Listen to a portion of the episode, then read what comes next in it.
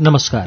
उज्यालो radio नेटवर्कको कार्यक्रम श्रुति सम्वेकबाट प्राविधिक साथी सशेन्द्र गौतमसँगै म अच्युत घिमिरेको स्वागत छ।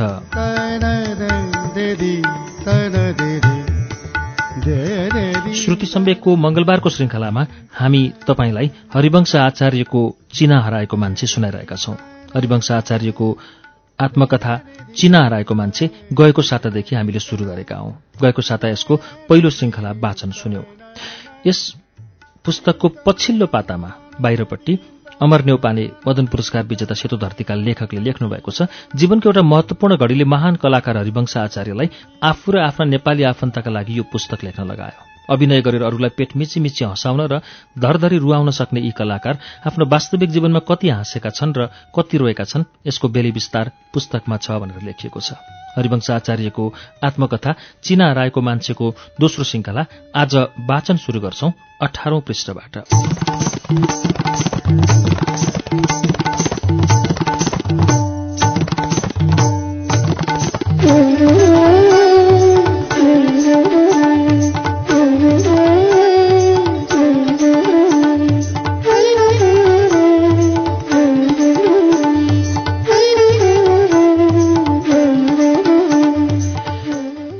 पहिले मेरो चिना बनाएर राख्नुभएको थियो। भगवानले रक्षा गरून् भनेर उहाँहरूले चिनामा एक तोला सुनमा भगवानको प्रतिमा कुँदेर राख्नुभएको रहेछ। आमा बितेपछि कसैले चिनामा सुन छ भन्ने थाहा पाएर सुन चोर्दा चिना समेत चोरेर लगेछ। त्यसैले ज्योतिषीसँग मेरो भविष्य कस्तो छ भनेर कहिल्यै सोध्न पाइन। मेरो मात्र होइन संसारमा जति मान्छे छन् सबैको चिना हराएको छ। ज्योतिषीले बनाएको चिना भएर पनि भविष्य रहस्यमय छ। भोलि के हुन्छ? कतिखेर कोसँग मिलन हुन्छ र कतिखेर कोसँग बिछोड? केही थाहा हुँदैन। यहाँ चिना हुने मान्छेहरूको पनि चिना हराएको छ। आमा बित्नु हुँदा ओहो कति मान्छे भेट्न आएका? कोही मिश्री ल्याउँथे कोही फलफुल ल्याउँथे कोही घिउ ल्याउँथे। बच्चाहरूलाई आफ्नो घरमा पाउन आएको असाध्यै मनपर्छ। मलाई पनि रमाइलो लाग्यो आमा बितेको। म रुन त परै जाओस् फुर्किएछु लाडिएछु तर जब तेह्र दिनको काम सकियो बिस्तारै बिस्तारै मान्छेहरू घट्दै गए। पछि त मान्छे आउनै छोडे कोही पनि आएनन्। त्यसपछि पो थाहा भयो मेरी आमा मर्नु भएछ तेह्र दिनपछि भने म आमा सम्झेर रुन थालेँ।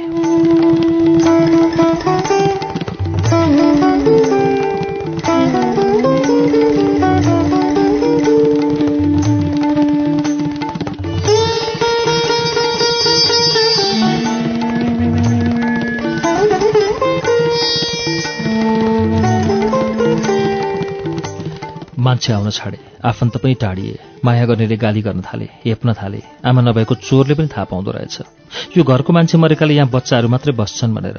गायत्री गीता सप्तरूपा तीनवटै दिदीको बिहे भइसकेको थियो। भाउजूहरूको परिवार पनि ठूलो भइसकेको थियो। हामी सबै एउटै घरमा अठाउँदैनथ्यौँ भाउजूहरू नजिकै अर्को घर किनेर सरेका थिए। अब घरमा हामी तीनजना मात्र हुन पुग्यौँ। दिदीहरू जानदेवी बिन्दु अनि म।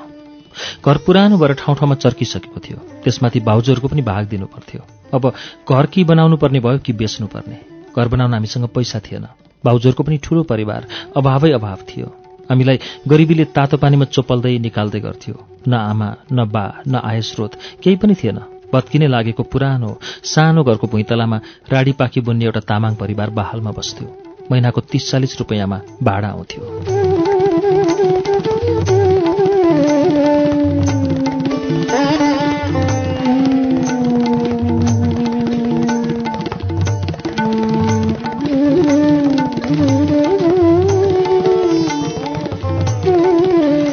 सम्बत दुई हजार उनातिसतिरको काठमाडौँ सहर अलि शून्य थियो। पाँच छ बजेपछि मान्छे हिँड्दैनथे बाटामा। हामी तीनजना दिदीभाइ एउटै पलङमा सुत्थ्यौँ। चर्पी टाढा बारीमा थियो। राति त्यहाँ जाने आँटै आउँदैन थियो। म केटो भएकाले झ्यालबाट पिसाब फेर्थेँ। दिदीहरू मटानको कोपरामा पिसाब फेरेर झ्यालबाट मेल्काउँथे। मटानको कोठा सल्लाहको काठले बारेको थियो। एउटा बिजुलीको चिम झुन्डायो भने कोठामा पनि उज्यालो हुन्थ्यो। मटान भर्याङ पनि उज्यालो हुन्छ भनेर काठको बारमा माथितिर बिजुलीको बल्ब झुन्ड्याउने एउटा पाल राखेको थियो कोठाभित्र। त्यसको ठिक मुनि पित्तलको कोपरा। एक रात मेरो पेट बेसकन दुख्यो। दिशा गर्न जान मन लाग्यो। दिदीहरू सुतिरहेका थिए। भुइँमा कोपरा थियो त्यसैमा बसेँ।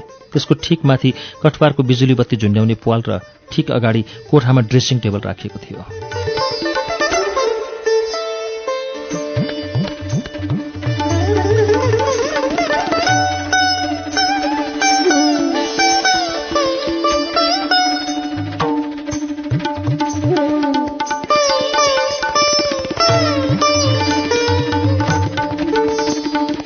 घरमा चोर पसेको रहेछ।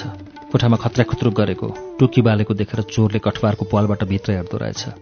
मैले अगाडि भएको ड्रेसिङ टेबलको ऐनामा मुखमा आधी रातो आधी कालो रङ लगाएको मान्छे देखेँ। त्यो मान्छे हो कि भूत? छुट्याउन गाह्रो भयो मलाई। म आत्तिएर कराएँ मेरा दिदीहरू पनि उठे। आखिर त्यो चोर नै रहेछ। मटानको झ्यालबाट चोर हाम फालेर भाग्यो। हामीले करायौँ चोर आयो चोर आयो भनेर। भोलिपल्ट बिहान त्यहाँ एउटा चोर समातेको छ अरे भन्ने सुनियो। म पनि हेर्न गएँ। जाँदा त त्यही मुखमा आधी रातो आधी कालो रङ लगाएको। हाम्रो घरको कठपारको पालबाट च्याउने चोर पो रहेछ। त्यतिखेर मैले भनिहालेँ यो चोर त हिजो राति हाम्रो घरमा पनि आएको थियो।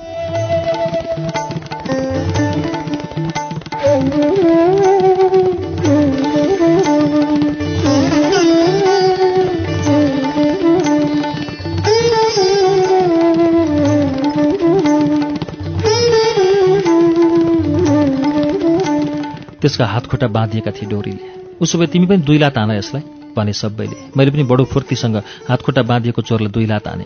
चोरले पनि भन्यो पख्लास मैले तँलाई चिन्या छु। तँलाई म के गर्छु हेर्दै जा। मेरो सातो पुत्त उड्यो। हरेक दिन साँझ परेको मलाई डर लाग्थ्यो। त्यो चोर मलाई पिट्न आउँछ कि भनेर। भर्याङ उक्लँदा पनि भर्याङ मुनि त्यो चोर लुकेको छ कि? त्यसले मेरो खुट्टा च्याप्प समात्छ कि भनेर दुई तिन खुड्कीलाई एकैपटकमा उफ्रेर भाग्थेँ। तर त्यो चोर मलाई कुट्न कहिल्यै आएन। घर ज्यादै पुरानो भइसकेको थियो। पानी पर्दा पनि घर ढल्ला कि भनेर हामी रातभरि सुत्दैनथ्यौँ त्यसबेला हाम्रो सहारा भनेकै हाम्री साइली सानीमा हुनुहुन्थ्यो। हामी डराउँछौँ भनेर सानीमाका छोराहरू हरिहर ढकाल विष्णु ढकाल पालै पालो हाम्रो घरमा राति सुतिदिन बालुवाटारदेखि आउँथे। दसैँमा सबैले नयाँ नयाँ लुगा सिलाउँथे। हामीसँग चाहिँ पैसा थिएन।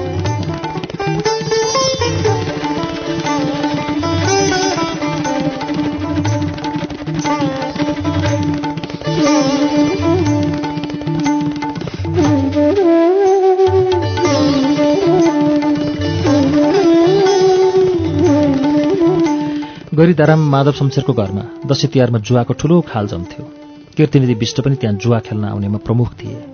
हामी कसैले जित्यो भने जितौरी पाइन्छ कि भनेर खाल वरिपरि झुम्मेर बस्थ्यौँ र कसैको कौडामा दाउ पऱ्यो कि जितौरी माग्थ्यौँ। दुई चार रुपियाँ आउँथ्यो। कीर्तिनिधि विष्टले लगातार दाउ पारे। जसले दाउ पार्छ उसले चुरोट रक्सी आदि किनिदिनु पर्ने रहेछ। त्यस बखत गैरीधारामा पाँच सय पचपन्न चुरोट किन्न पाइँदैन थियो। नक्साल पुग्नु पर्थ्यो नक्साल गएर चुरोट किनेर कसले ल्याउँछ भनेर सोधेँ। म ल्याउँछु भनेर मैले हात उठाएँ। पाँच सय पचपन्न चुरोट अनि अरू पनि के के सामान किनेर ल्याउनु भनेपछि तिन सय रुपियाँ दिए। तर पैसा पाएपछि चुरोट किन्न नक्साल जाँदै गएन। घरमै दुई तिन दिन लुकेर बसेर दसैँमा मजाले लुगा किने त्यो पैसाले। दिदीहरूले पैसा कहाँबाट ल्याइस् भनेर केरकार गरे। मैले सत्य कुरा भन्दै भनिनँ। बाटोमा पाएको भनेर टार्न खोजेँ तर पत्ते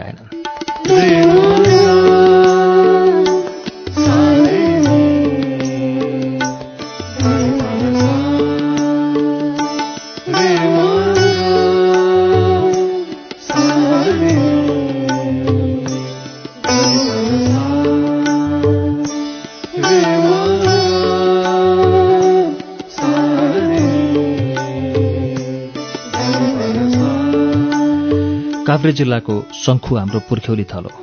हाम्रा बाहेक अरू काठमाडौँ बसाइँ सर्नुभएको थियो। हाम्रा बाहरू त्यहाँ अहिलेसम्म पनि हाम्रो खेतबारी छ।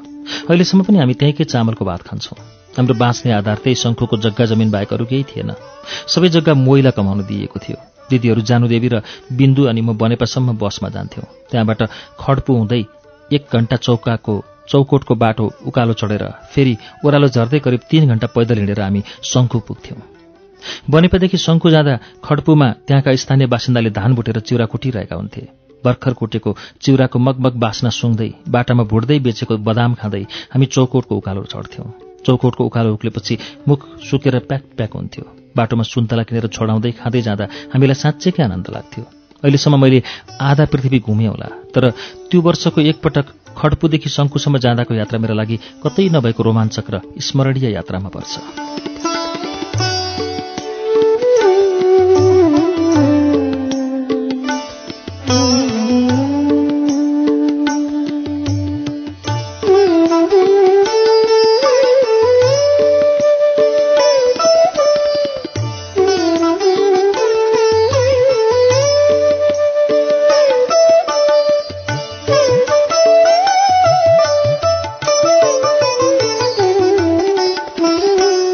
जग्गा जमिन त थियो तर सबै मोहीलाई कुद तोकिएको थियो। मोहीको परिवारमा अंशबण्डा हुँदा हाम्रो जमिन पनि अंशबण्डा हुँदो रहेछ।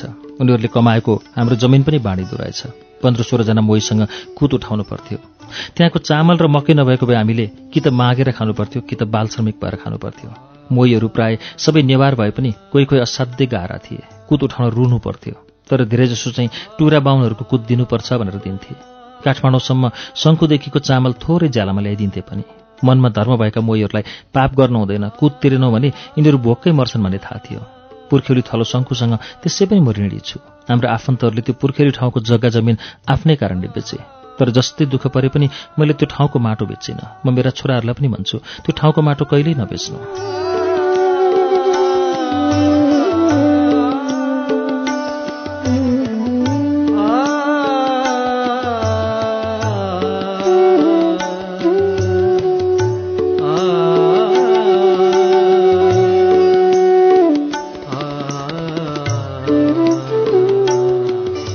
शङ्खुले मलाई ठूलो गुण लगाएको छ पेट भरिदिएर। तर मैले शङ्खुलाई केही गुण लगाउन सकेको छैन। तैपनि पनौतीदेखि नमोबुद्धसम्म र दायाँ बायाँ समेत गरी करिब सत्र किलोमिटर बाटो हामी त्यस क्षेत्रका बासिन्दा मिलेर बनायौँ। त्यसबेला मलाई बाटोको अगुवा बनाएका थिए। अहिले त्यही हामीले कोरेको बाटोको पूर्वाधारले शङ्खु करिब करिब सुगम भइसकेको छ। त्यति गर्न पाउँदा पनि मलाई आत्मसन्तुष्टि भएको छ। हामी सानो हुँदा हामीलाई कुद बुझाएर पेट भरिदिने मोहीहरूका छोराछोरी गाडी चढेर शङ्खुमा गुडेको देख्दा मन आनन्दित हुन्छ। जनजागृति निम्न माध्यमिक विद्यालयको एउटै कोठामा चारवटा कक्षाका विद्यार्थी पढ्थे। पढाउने शिक्षक पनि एउटै हुन्थे। शिक्षक बीचमा बसेर चारवटा कक्षाका विद्यार्थीहरूलाई एकैपटक पढाउँथे। साथी सुमन श्रेष्ठले जापानी दाताको सहयोग जुटाइदिएका थिए। विद्यालयमा पाँच कोठा निर्माण गर्न पाइयो र इन्जिनियर राजु मानन्दरको सहयोगले भूकम्पले भत्काएको विद्यालय भवन बनाउन पाइयो। त्यो सम्झँदा मन केही आनन्द हुन्छ। साइली सानिमाका छोरा मधुसूदन दाईको सहयोगले जानदेवी दिदीको पनि विवाह भयो। अब बाँकी दुईजना रह्यौँ। बिन्दु दिदी मभन्दा दुई वर्ष मात्र जेठी हुन्। मेरो सारा उनी अनि उनको सारा म। मेरो सारा दिदीको त आत्मबल बलियो थियो तर म दिदीको सारा कमजोर थिएँ।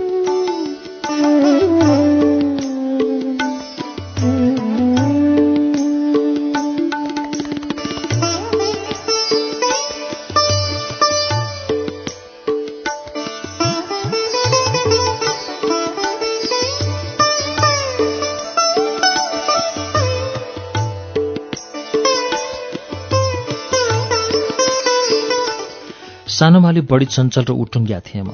आफूभन्दा दुई वर्ष मात्र जेठी अभिभावक भएको हुनाले म फरक स्वभावको हुन थालेँ। कसैलाई नटेर्ने भनेको नमान्ने स्कुलबाट भाग्ने आदिले गर्दा मेरो दिदीलाई मैले धेरै दुःख दिएँ। म चौध वर्ष जतिको थिएँ। ठुलो भिनाजुरी मलाई साइकलको अगाडि राखेर दिल्ली बजार लिएर गए। पाइन्ट कमिज किनिदिए हलुवाई पसलमा लगेर लालमोहन र बर्फी खान दिएर भने हेर हरि तिम्रो दिदी रोगी छिन्। उनलाई स्याहार्न पनि एउटा मान्छे चाहिन्छ। मान्छे राखौँ भने के भरोसा हुन्छ र काम गर्नेको? त्यसैले मैले तिम्रो दिदी स्याहार्न औटी अर्की एउटी दिदी ल्याउनु पर्यो।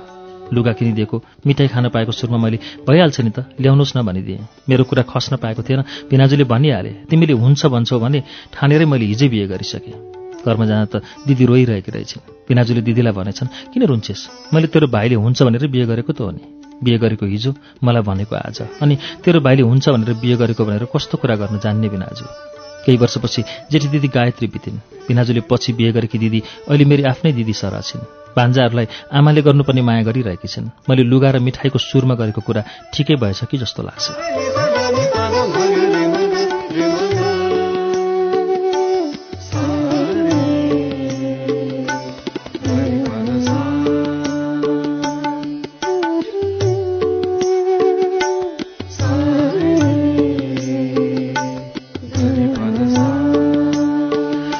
मलाई हिन्दी बोल्न समस्या थिएन। राम्रोसँग बोल्थेँ। हिन्दी भाषा मैले हिन्दी फिल्म हेरेरै सिकेको हुँ। काठमाडौँको कुनै पनि हलमा नयाँ फिल्म लाग्यो भने त्यो film first day first show हेर्नै पर्थ्यो मलाई। टिकट पनि काट्नु पर्दैन थियो। हुल गरेर पस्ने पैसा नतिरी सिटमा बस्ने सिट पाइएन भने उभिएर भए पनि फिल्म हेर्नै पर्थ्यो। हुल गरेर पस्दा कतिका जुत्ता फुस्कन्थे कतिका चप्पल चुडिन्थे प्रवाह आउँदैन थियो। पछि सिनेमा छुटेर आउँदा आफ्नो फुस्केको जुत्ता चप्पल हलसाउले पेट्रोल वा मट्टीतेल छर्केर जलाइरहेको हुन्थ्यो। कहिले सध्य भए पनि भेटाउँथे। कतिले आफ्ना दुई खुट्टामा फरक फरक जुत्ता पनि लगाउँथे। मैले दिदी गीता ढकालको प्रशस्त जग्गा जमिन थियो तर जति बढी जग्गा जमिन भयो बुहारीलाई त्यति नै दुःख हुन्थ्यो। बुहारीले धान रोप्नु पर्थ्यो काट्नु पर्थ्यो छुट्नु पर्थ्यो धान भित्र्याउनु पर्थ्यो घरधन्दा पनि सबै एक्लै गर्नु पर्थ्यो। धन भएर पनि समस्या प्रशस्तै थिए। त्यतिखेर दिदी दुब्ला र कङ्काल जस्ती भएकी थिइन् तर लुकी लुकी माइत आएर हामीलाई लुकाएरै कोसेली ल्याइदिन्थिन्। माइती पनि दुखी आफू पनि दुखी। अहिले त दिदीलाई छोराछोरीले गरेको प्रगतिले आनन्द छ सुखी र खुसी देख्छु। साइली दिदी सप्तरुकाको आमा बाको आशौचको बेला क्षेत्रपाटी हाम्री कान्छी सानिमाको घरबाट बिहे गरेर पठाएको म अलिअलि सम्झन्छु। दिदीको घर सरगुजा भारतको झारखण्डमा हो। हुन त भिनाजुका बा नेपाली नै हुन्। सरगुजाका राजाले आफ्नो दरबारमा पूजा गर्ने पुजारी नेपालबाट लगेका रे। त्यही नाताले म पनि एकपटक भिनाजुसँग पटना हुँदै सरगुजा गएको थिएँ। पटनाबाट छ घण्टा बस चढेर जानुपर्थ्यो।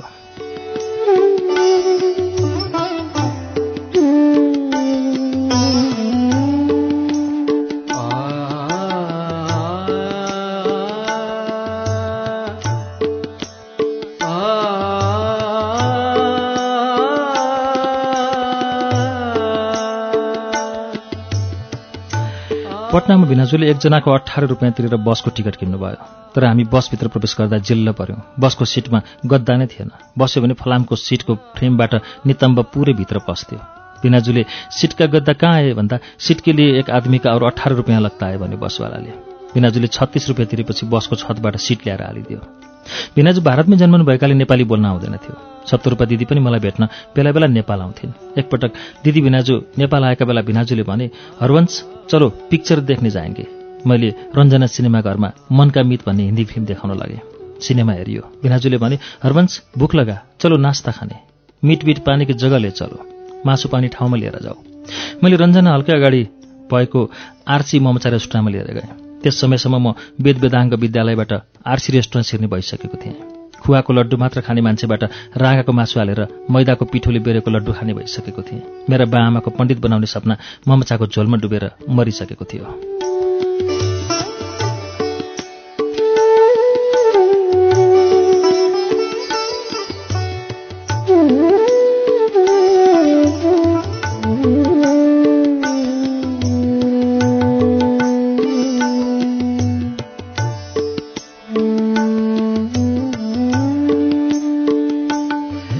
ममचा रेस्टुरेन्टभित्र ममचा छोइला कचिला भुटन सबै खाइयो। भिनाजुलाई खुब मिठो लागेछ। पैसा तिर्नुभयो। साला बिना खुरुखुरु न्यू रोडबाट नक्साल हुँदै गैरीधारा जाँदै थियौँ। नक्सालमा एउटा मासु बेच्ने पसल बाहिर राँगाको टाउको ठडाएर राखेको थियो। भिनाजुले त्यो राँगाको टाउको देखेर सोधे हरवंश यहाँ भैँस भी खाता है? मैले भने हाँ खाता है। भिनाजु केही नबोली हिँडे अलि पर पुगेर फेरि सोधे तुम भी खाते हो? मैले भने हाँ खाता हूँ।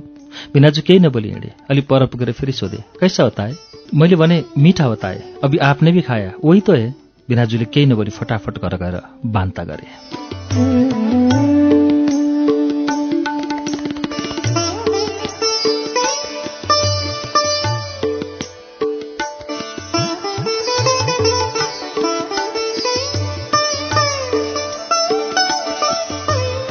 म त्यसबेला राँगाको मासु खान्थेँ। मान्छेहरू कि मासु खाँदै नखानु खाएपछि खान हुने जे पनि खानु भन्थे। म पनि हो भन्थेँ। तर हिजो आज म राँगाको मासु खान्न।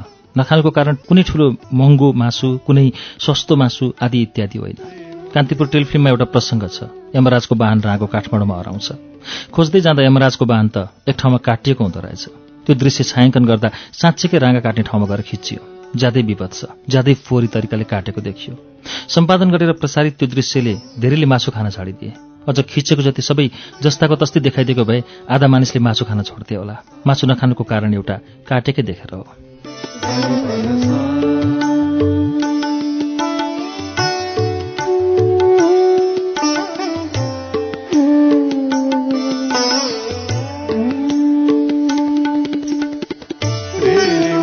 अनि अर्को कारण चाहिँ हाम्रो राजमार्गमा राँगाको नाकको पलबाट डोरी छिराएर ट्रकको छतमा बाँधेको हुन्छ। त्यत्रो लामो यात्रा घन्टौँको जाममा त्यो पनि प्राणी हो। कसरी सहन्छ होला त्यसले? हामी मान्छे चेतनशील प्राणी हौ। चेतनशील प्राणीले अर्को प्राणीलाई कतिसम्म अन्याय गर्छौँ? त्यसैले पनि मैले मासु खान छोडेँ। नेपालमा मान्छेले मान्छेलाई जति अन्याय गर्छ त्यसको लाख गुणा बढी अन्याय अबोध प्राणीलाई गर्छ। सुँगुरको हातखुट्टा बाँधेर झिरले मुटुमा घोचेर घन्टौँ लगाएर विभत्स तरिकाले मार्छन्। मन्दिरमा लगेर बलिको न्युमा अबोध प्राणीको छाला काटेर तिनलाई राक्षसको दर्जा दिएर रेटिन्छ। के यो मान्छेले गर्ने काम हो? त्यसैले समयअनुसार चेतनाको विकास भएअनुसार मान्छेले धर्म संस्कृतिमा पनि परिमार्जन गर्नुपर्छ। बलि प्रथा अन्त्य गर्नुपर्छ। मासु संसारले खान्छ तर उसलाई कसरी शास्ति कम गरेर आफ्नो भुँडी भर्ने त्यो सोच्नुपर्छ मान्छेले। एकपटक राजमार्गमा राँगा भैँसी राखेर काठमाडौँतिर आइरहेको ट्रक दुर्घटनामा परेछ। घाइते ड्राइभर र खलासीलाई तुरुन्तै अस्पताल लगियो। घाइते रागा भैँसी मरेर सिनो होला। मासु खेर जाला भनेर तिनीहरूलाई चाहिँ तुरुन्तै रेटेर मासु काठमाडौँतिर बेच्न लगिएछ। घाइते मान्छेलाई अस्पताल तर घाइते पशुलाई मासु पसल।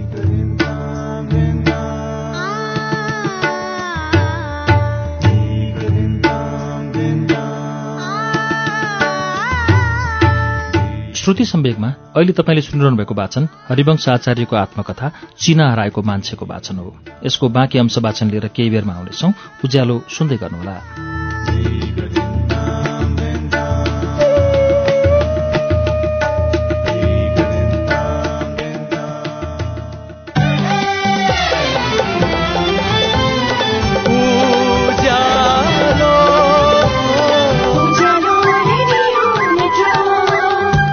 सीधा कुरा प्रश्न विचार। Ujyaalo radio network.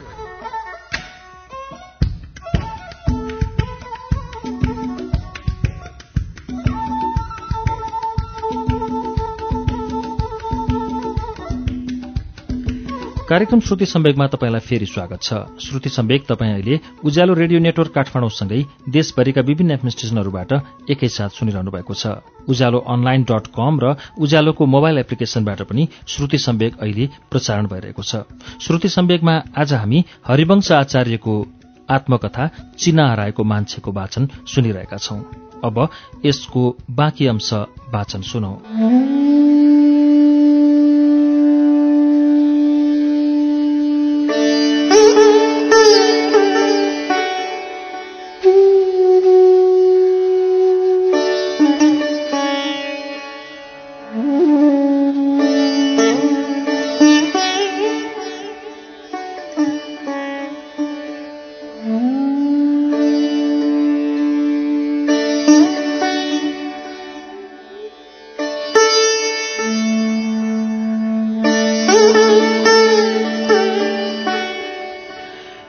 दिदी बिराजहरू आफूले सकेको माया गर्थे।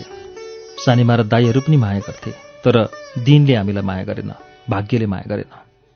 घर जीर्ण बन्दै गयो दलिन मक्किए फेर्ने पैसा थिएन। इँटमा सोडा लागेर फुसफुसाउने भइसकेको थियो फेर्ने सामर्थ्य थिएन विकल्पमा घर बेच्नै पर्ने भयो। टङ्गाल गैरीधारामा एक रोपनी नौ आना जग्गा भएको घर बाहुन्न हजार रुपियाँमा दुई हजार तीस सालतिर होला बिक्री भयो। मेरो भागमा पैँतिस हजार रुपियाँ पर्यो। जन्मघर बेचेको धेरै भएको थिएन। चौध पन्ध्र वर्ष बिताएको घर जहाँ म जन्मी हुर्किएर किशोर भएर यौवनको सङ्घारमा उभिएको थिएँ। एक दिन दिनभरि घुमे। मनमा के के कुरा खेल्दै थियो हिँड्दा हिँड्दै म त साँझ बास बस्न जन्मघरको आँगनमा पुगेछु। जब घरतिर आँखा लगाएर पस्न खोजेँ अनि पो झस्सङ्ग भएँ यो घर त अरूलाई नै बेचिसकेको हो। त्यसपछि म फरक्क फर्केर रुँदै रुँदै आफ्नो डेरातिर लागेँ।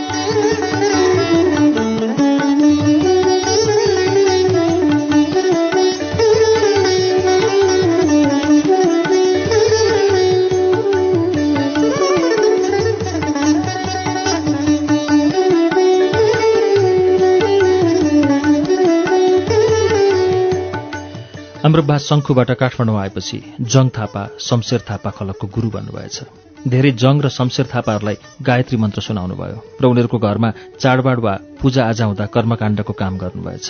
सानो छँदा मेरी आमासँग म पनि थापाहरूको घरमा आउने जाने गर्थेँ। मलाई सबैले माया गर्थे। गङ्गाजङ थापा म र मेरो नाति मुकुन्द साथी नै थियौँ। लुलु थापा मेरी आफ्नै दिदी जस्तै थिइन्। मलाई गाली गरी गरी पढाउँथिन्। अरू थापाहरू पनि मलाई माया गर्थे। आमा बाबु नभएको बिचरा भन्थे कसैले खर्च दिन्थे कसैले लुगा कपडा किनिदिन्थे। तिनीमध्ये नक्सालमा बस्ने एकजना थापालाई पनि मैले मेरो बाले नै गायत्री मन्त्र सुनाउनु भएको रे। उनलाई घर बेचेको पैसा मसँग छ भन्ने थाहा रहेछ। उनले मलाई नक्साल चार ढुङ्गे र भगवती बालको बीचमा चार आना जग्गा बेच्छु भनेर बहिना भयो। उनको घरको माथिल्लो तला एकजना प्रधान थरको मान्छेलाई बन्दकी दिएका रहेछन्। मसँग पैसा लिएर उनलाई हटाए। मलाई उनले आफ्नै घरको त्यही माथिल्लो तलामा लगेर राखे। हामी दिदीभाइ त्यहीँ बस्न थाल्यौँ।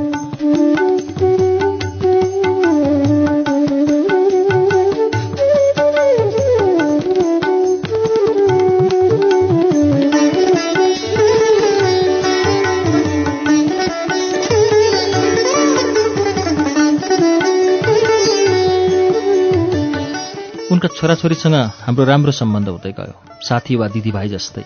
जग्गा पास गरिदिई बक्सियोस् न घर बनाउनु पर्यो भन्दा पख पख भन्दै आलेटाले गर्दै गए। पछि जग्गा होइन घरै ल्याउ बाहुन्न हजारमा भन्ने कुरा गरे। त्यसवखत मेरो सबै अभिभारा जानदेवी दिदी र भिनाजुले लिइदिनु भएको थियो। मसँग भएको पैसा पैँतिस हजारमा अरू पैसा दिदीले थपेर त्यो घर किन्ने कुरा भयो। थप पैसा दिएर बाहुन्न हजार पुऱ्यायौँ तर पुरै पैसा लिएपछि पनि उनी घर दिन आलटाल गर्दै गए। झर्कने भेट्न नखोज्ने जस्ता व्यवहार प्रदर्शन गर्न थाले। घरमा बस्दै जाँदा थाहा हुँदै गयो आफ्नो भागमा परेको तराईको एघार सय बिघा जमिन अरू भएका जग्गा जमिन सबै बेचेर खाइसकेका रहेछन्।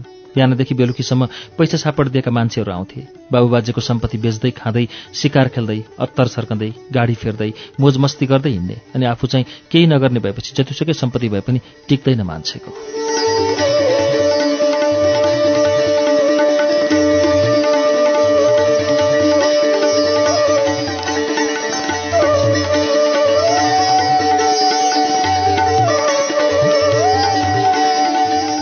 हामीले पुरै पैसा दिएर घर पास गरी दिबक्सियोस् भन्यौँ। वर्षौँ कुर्यौँ। कहिले तिमीहरूको पैसा फिर्ता गरिदिन्छु भन्थे। कहिले कहाँ कहाँ लगेर यो जग्गा तिमीहरूलाई किनिदिन्छु भन्थे तर घर पास गरिदिएनन्। अब हामी फस्यौँ भन्ने पक्का भयो र अदालतमा मुद्दा हाल्यौँ। मुद्दा हालेपछि उनका छोराछोरीसँग हाम्रो दुश्मनी हुन थाल्यो। म पनि उग्र हुन थालेँ। डर त्रास र धम्की मलाई केही जस्तो पनि भएन। हामीले तल भुइँतलामा भएको टोयलेट प्रयोग गर्नुपर्थ्यो। उनी चाहिँ बीचको तलामा भएको टोयलेट बाथरुम प्रयोग गर्थे। तल सेफ्टी ट्याङ्क भरिएपछि सफा गरिदिँदैनथे। हामीले प्रयोग गर्ने टोयलेट भरिएर भित्र छिर्न सकिँदैनथ्यो। बिन्दु दिदी टोयलेट प्रयोग गर्न छिमेकी कहाँ जान्थिन्? म चाहिँ पत्रिकामा टोयलेट गरेर माथिल्लो तलाबाट उनको झ्याल्नेर खसालिदिन्थेँ। आधा रातमा माथि कोठाको भित्ता पाल पारेर पिसाब फेरिदिन्थे। एकपटक मध्यरातमा पलङ घुहारेर सार्दै थिएँ। पुलिसलाई रिपोर्ट गरेछन्। मलाई अञ्चलाधीश कार्यालय लगियो। अञ्चलाधीशले पनि मलाई झन्डैले थप्पड हानेको। म अञ्चलाधीशसँग ठुलो ठुलो चोरले बाजेँ। त्यस बेलाका अञ्चलाधीशसँग त्यसरी कराउने हिम्मत सितिमिति कसैको पनि हुँदैन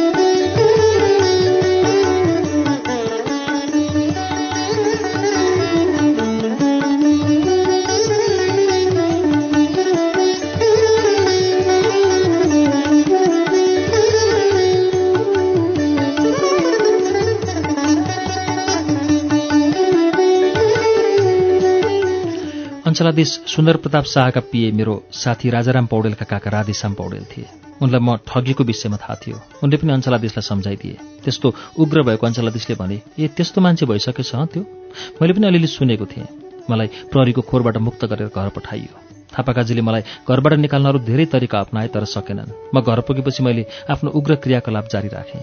मलाई जसरी भए पनि मेरो पैसा फिर्ता लिनु थियो तर पैसा फिर्ता गरेनन्। उल्टो उनी त आफू बसेको घर भाडामा दिएर डेरामा पो बस्न गए। त्यस बखत मलाई पुरै नक्साल टोलकै साथ थियो। सबै नक्सलवासीलाई मेरो वेदना थाहा थियो। विशेष गरी मेरा साथीहरू राजु मानन्दर राजु भुजु रविन्द्रदास श्रेष्ठ सुरेन्द्रमान श्रेष्ठ अशोक चालिसे राजाराम पौडेल प्रकाश पाणी गौतम रमेश ढुङ्गेल रत्न मानन्दर मनोहर श्रेष्ठ आदिले मलाई सहयोग गरेका थिए।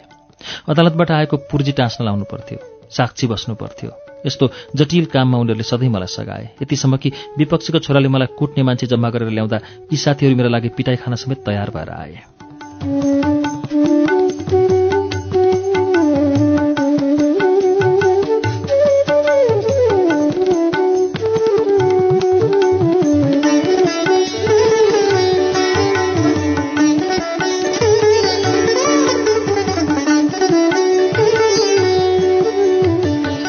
एघार वर्षपछि मुद्दा फैसला भयो। म त्यही घरमा बसेको हुनाले पैसाको ब्याज चाहिँ नपाउने सावा फिर्ता दिने भयो। दुई हजार एकतिसको बाहन्न हजार रुपियाँ। एघार वर्षपछि फिर्ता पाउँदा पैसाको महत्व धेरै घटिसकेको थियो। अर्थात् मेरो पैसा खोस्टा भइसकेको थियो। विशेष गरी दुई हजार छत्तिस सालपछि काठमाडौँमा जग्गाको भाउ उत्पाद बढ्यो। एघार वर्षपछि त्यो मेरो भागमा परेको पैँतिस हजार रुपियाँले त विकट ठाउँमा चाराना जग्गा पनि नपाइने भइसकेको थियो। उनले त्यो पैसा पनि फिर्ता गरेनन्। अब लिलामी गरेर असुल उपर गर्ने प्रक्रियामा लागे। लिलामीको चिठी नबुझ्ने म्याद बक्यौता गर्ने अनेक उपाय हुँदो रहेछ। चन्द्रकुमार भट्टराई अमृत साकिए जगतपाल श्रेष्ठ दाईहरूले एउटा नाटक गरिदिए। त्यो नक्सालको घर दुई लाख पचास हजारमा किन्ने भनेर। थापा डेढ लाख पाए बेच्ने ग्राहक खोज्दै हिँडिरहेका थिए। दुई लाख पचास हजार दिन आउँदा आत्तिए। दाईहरू घर हेर्न आए जस्तो गर्दै मलाई पनि नचिने जस्तो गरी आए मैले भने उहाँ चाहिँ को नि? यो घरमा मेरो मुद्दा छ। मेरो पैसा नतिरिकन हेरौँ त कसले घर किन्दो रहेछ? किन्नेलाई पनि काट्छु बेच्नेलाई पनि काट्छु। मलाई सम्झाइयो तिम्रो पैसा फिर्ता दिने भनेर। दाईहरूले पनि ल हामी पक्का किन्छौँ तर यो भाइको पैसा फिर्ता दिएपछि मात्र भने। मैले सुनेको थापाको सालोले सुन बन्धक राखेर बाहुन्न हजार झिक्यो मलाई पैसा तिर्यो तर म पनि ठगिएँ। मलाई अत्याचार भयो। अन्तत म त्यो घरबाट आजाद भएँ अनि चन्द्रकुमार भट्टराई अमृत साक्य जगतपाल दाईहरूले पनि मेरो पैसा तिरिसकेपछि हामी घर किन्दैनौँ। त्योभन्दा राम्रो घर अन्त पाइयो भनिदिएछ। म चन्द्रदाई अमृत दाई जगत दाईहरूप्रति जीवनभर आभारी रहन्छु।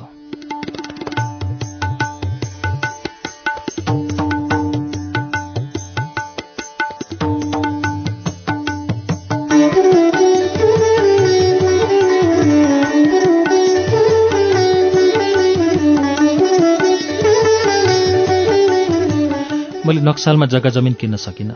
मैले जीवनमा धेरै थोक पाएको प्यारो नक्साल टोल र साथीभाइलाई छोडेर जानुपर्ने भयो। आमाको देहावसानपछि म पद्मोदय हाई स्कुल पाँच कक्षामा भर्ना भएँ। म पनि अब अरू साथीहरू जस्तै कमिज पाइन्ट लगाएर स्कुल जान पाउने भएँ। टोपी पनि ऐना हेरेर आफैले काटेँ। टोपी लगाउनु नपर्ने भयो। साह्रै दुब्लो पातलो। म एउटा उदाहरण नै थिएँ दुब्लाहरूको। मेरो अलि चञ्चल स्वभाव भएकोले कोही मान्छे भेट्यो कि एकैछिनपछि त्यसैको हाउभाउ गर्थेँ। मान्छे मरिमरि हाँस्थे। टङ्गाल गैरीधारामा बस्दा एकजना छिमेकी थिए। ती छिमेकीका लोग्ने स्वास्नी छोराछोरी कसरी बोल्छन् भनेर साथीहरूको अगाडि सुनाउँथे। सबै मजाले हाँस्थे। बसाइ सरेर म नक्सल आएपछि नै त्यहाँ नयाँ नयाँ साथीहरू भेट भए। त्यसमध्ये राजाराम पौडेल अशोक चालिसे पनि थिए। उनीहरू गीत गाउने मादल बजाउने नाटक गर्ने गर्थे। उनीहरूको सङ्गतले पनि म गाउन बजाउनेतिर आकर्षित हुन थालेँ। बुलबुल पब्लिकेशन। उपन्यास कथा गजल लगायतका विधाका गुणस्तरीय पुस्तकहरू प्रकाशनका लागि बुलबुल पब्लिकेशन।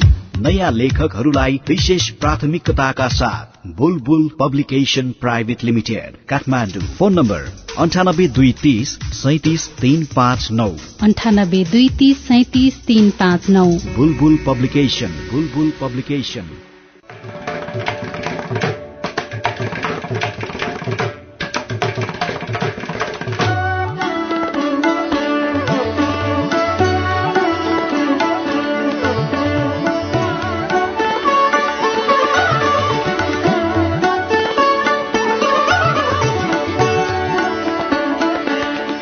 पद्मोदय स्कुलमा म कक्षामा पढ्नभन्दा साथीहरूसँग रमाइलो गर्नपट्टि लाग्थेँ।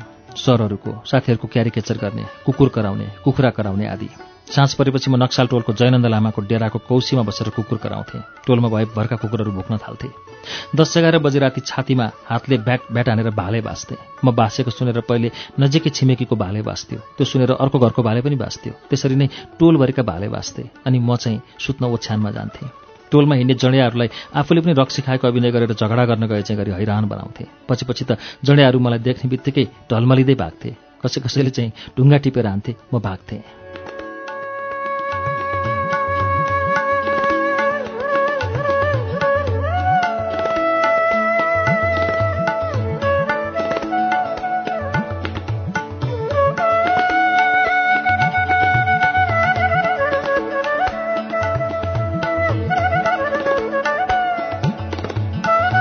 म पद्मोदय स्कुलमा आठ कक्षामा पढ्दा ताका भ्रिकुटी मण्डपको बाटोमा थोरै मात्र गाडी कुर्थे।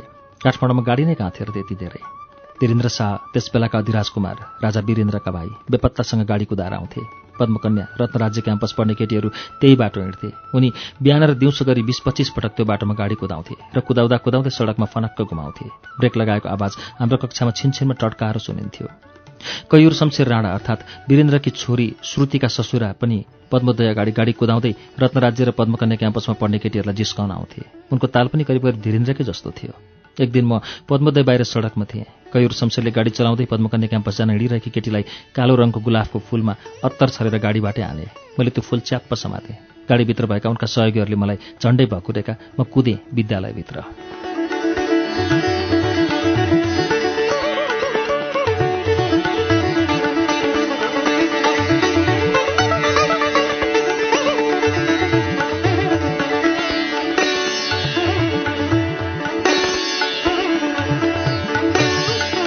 अर्को एक दिन धीरेन्द्र शाह बाटोमा गाडी कुदाउँदै थिए। हामी कक्षा कोठाको झ्यालबाट हेर्दै थियौँ। सर आउनुभएको थिएन। हाम्रो एकजना साथी झ्यालबाट ठुलो स्वरमा यस साले धीरेन्द्र भनेर करायो। धीरेन्द्रले सुनेछन् गाडी सडकमा चार फनको लाग्ने गरी कुमाएर रोके र स्कुलभित्र छिरे। हामी सबैको सातो गइहाल्यो। हामी आफ्नो बेन्चमा बस्यौँ। धीरेन्द्र हातमा पेस्तोल लिएर कक्षामा आए। हाम्रा हेड सर ईश्वरराज अर्याल पनि पछि पछि आए। धीरेन्द्रले पेस्तोल देखाउँदै who bastard pronounce that word to me भनेर सानो स्वरमा सोधे। स्वर सानो भए पनि हातमा पेस्तोल र अनुहारमा क्रोध थियो। पञ्चायती व्यवस्थाको चरम समय। राजाको भाइलाई त्यस्तो बोल्ने हिम्मत गर्नु भनेको ज्यादै डर लाग्दो थियो। हामी सबैलाई थाहा थियो त्यो कसले भनेको तर कसैले पनि त्यसले भनेको भनेनौँ। हामी सबै चुपचाप लागिरह्यौँ हेड सरले पनि ठुलो स्वरले सोधे सरकारलाई त्यस्तो कसले भनेको? हामी कोही पनि बोलेनौँ। धीरेन्द्र फर्केर गएपछि हेड सर आएर सोधे कसले भनेको? त्यो भन्ने साथीको नाम मैले बिर्सेँ। उसले आफैले भन्यो सर मैले भनेको। सरले दुई थप्पड हाने तँलाई विद्यालयबाट निकालिदिन्छु भने तर निकालेन।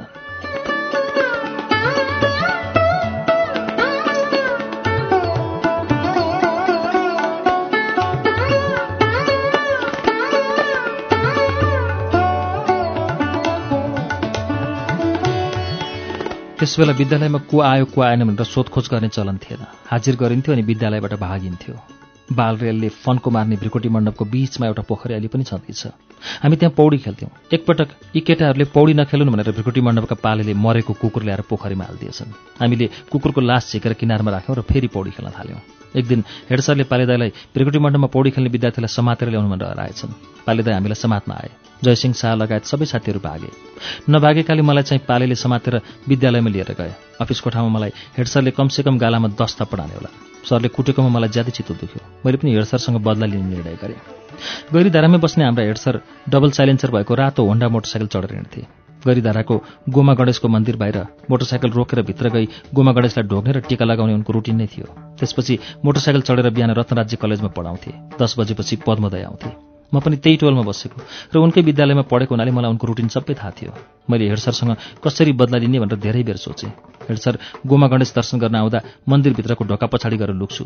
जब सर गणेशलाई ढोग्न निहुरिन्छन् त्यही बेला सरलाई लात्तीले हान्छु भनेर दुस्साहस रचेँ।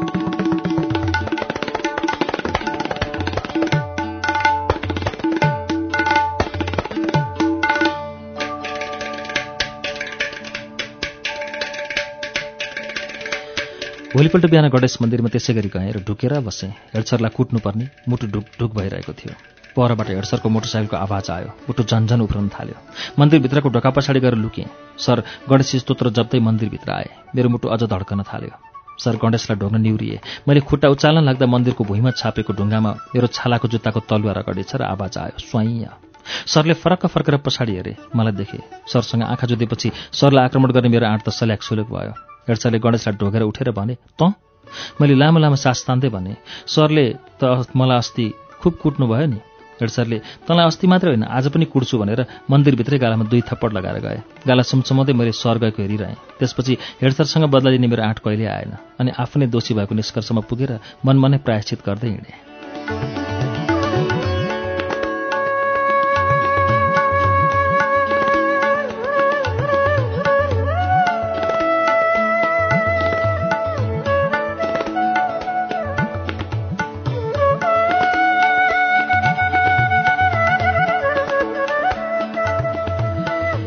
त्यस वर्ष हाम्रो विद्यालयको रजत जयन्ती थियो। म कक्षा आठको विद्यार्थी तर रजत जयन्ती समारोहमा हामीलाई माथिल्लो कक्षाका विद्यार्थी मात्र सांस्कृतिक कार्यक्रम गर्न नाचगानको अभ्यास गर्दै थिए। मलाई पनि त्यो नाचगानमा भाग लिन मन लागेको थियो तर मौकै पाएको थिएन त्यस समारोहमा एकलव्य नाटक देखाउने कार्यक्रम थियो। त्यस नाटकमा एकलव्यले धनुष हान्दा एउटा कुकुरलाई लागेर कुकुरको कुइँ कुइँ आवाज आउनुपर्ने रहेछ। कुकुर कुइँ कुइँ कराएको आवाज निकाल्न रिहर्सलको दिन एउटा साँच्चैकै कुकुरलाई डोरीले बाँधेर राखेको रहेछ। जुन बेला त्यो आवाज चाहिन्छ त्यही बेला कुकुरलाई लट्ठीले हानेर कुइँ कुइँ आवाज निकाल्नुपर्ने थियो। अहिले त कुकुरलाई कुट्नु हुँदैन भन्ने प्राणीवादी सोच आएको छ। ऊ पनि प्राणी हो। कुकुर मान्छेको मित्र हो भन्ने सबैलाई चेतना हुँदैछ। त्यस बखत पनि कुकुरलाई कुट्नु हुँदैन भन्ने मन भएको साथी जयसिंह शाह रहेछ। उसले मैले बेला बेला कुकुरको कुखुराको आवाज निकालेको थाहा पाएको थियो। उसैले प्रस्ताव राखेछ। कुकुरलाई नकुटौँ हरिवंशले ठ्याक्कै कुकुरको आवाज निकाल्छ त्यसैलाई बोलाउँ ठुला साथीहरूले सोधे त कुकुरको आवाज निकाल्छस् रे हो? मैले भने हो निकालिदिउँ। ल ल निकाल त। मैले ठ्याक्कै निकालिदिएँ। उनीहरूले कुकुरलाई छोडिदिएर मलाई कुकुरको ठाउँमा राखे।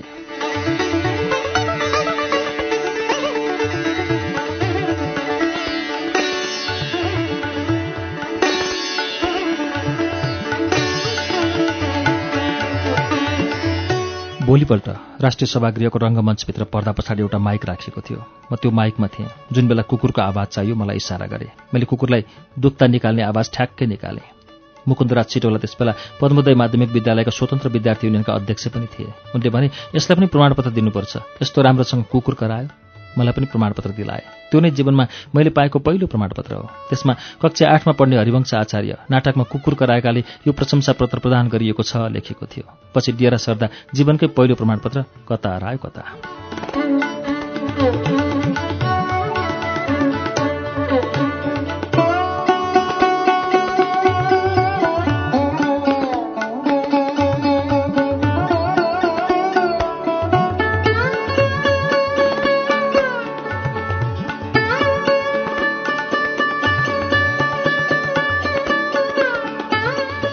कार्तिक महिनालाई कुकुरको महिना भनिन्छ। कार्तिकमा कुकुर तिहार पनि पर्छ। कार्तिकमा जन्मनेलाई कार्तिकै पनि भनिन्छ। म पनि कार्तिकमै जन्मेको हुँ। रङ्गमञ्चमा पनि पहिलोपटक कुकुर कराएर आएँ। पहिलो प्रमाणपत्र पनि कुकुर कराएरै पाएँ। कुकुर र मेरो अनौठो सम्बन्ध थियो। नेपालमा कुकुर दुई वर्गका छन्। एउटा वर्गको कुकुरले विदेशबाट आयात गरेको खाना खाँदै एयर कन्डिसन भएको गाडीमा मालिक मालिकनीको मुख चाड्दै हिँड्न पाउँछ भने अर्को वर्गको कुकुर गल्ली गल्लीमा भौतारिँदै लुत्तो कनाउँदै सडकको पेटी पेटीमा व्यवहारिसे भएर भोकभोकै हिँड्छ म आफूलाई यी दुवै वर्गको कुकुरसँग तुलना गर्न चाहन्छु। मान्छेलाई म जस्तो भाग्यमानी भएर जन्मन गाह्रो छ। म जस्तो अभागी भएर पनि जन्मन गाह्रो छ। मैले कुकुरले नपाएको दुःख पनि पाएँ। कुकुरले नपाएको जस्तो सुख पनि पाएँ।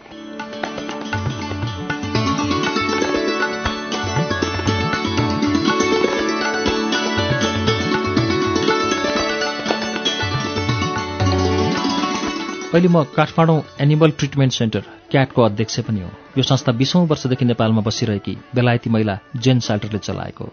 उनले बेलायतमा काम गर्दा बचाएको बिस लाख रुपियाँको अक्षय कोषले यो संस्था खोलेकी हुन्। यो संस्थाले विशेष गरी सडकका कुकुरहरूको हेरचाह गर्छ। अहिले पनि नेपालका धेरै ठाउँमा सडकका कुकुरहरूको संख्या घटाउन विष खुवाएर मारिन्छ। कुनै कुकुर चाँडै मर्छन् कुनै तिन चार दिनसम्म पनि छटपटाइरहन्छन्। यो पनि चरम प्राणी विरोधी काम हो। क्याटले सडकका पोथी कुकुरहरूलाई टोल टोलबाट समातेर ल्याउँछ र परिवार नियोजनको अपरेसन गर्छ। घाउ निको भएपछि जुन टोलबाट समातेर ल्याएको त्यहीँ लगेर छाडिदिन्छ। काठमाडौँमा भुसिया कुकुरको सङ्ख्या यसरी घटाइरहेको छ क्याटले। लुत्तो आएका मोटरले हिर्काएका कुकुरहरूलाई पनि ल्याएर औषधि उपचार गर्छ। यस संस्थालाई नेपालभित्र र बाहिरका पशुप्रेमी मानिसले सघाएर पुण्य काम गरिरहेछन्। हुन त यो नगरपालिकाहरूले गर्ने काम हो तर उनीहरूले मलाई राम्रो सहयोग गरेनन्।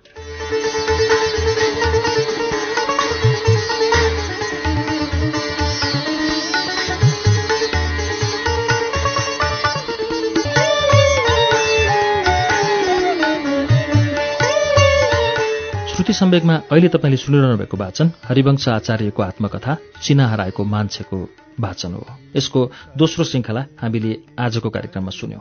अर्को साता चिना हराएको मान्छेको तेस्रो श्रृङ्खला लिएर आउनेछौं। त्यसअघि शुक्रबारको श्रुति सम्वेकमा सुबिन भट्टराईको उपन्यास सायाको वाचन हुनेछ। तबसम्मका लागि प्राविधिक साथी सशेन्द्र गौतम र म अच्युत घिमिरे विदा चाहन्छौ। नमस्कार शुभरात्री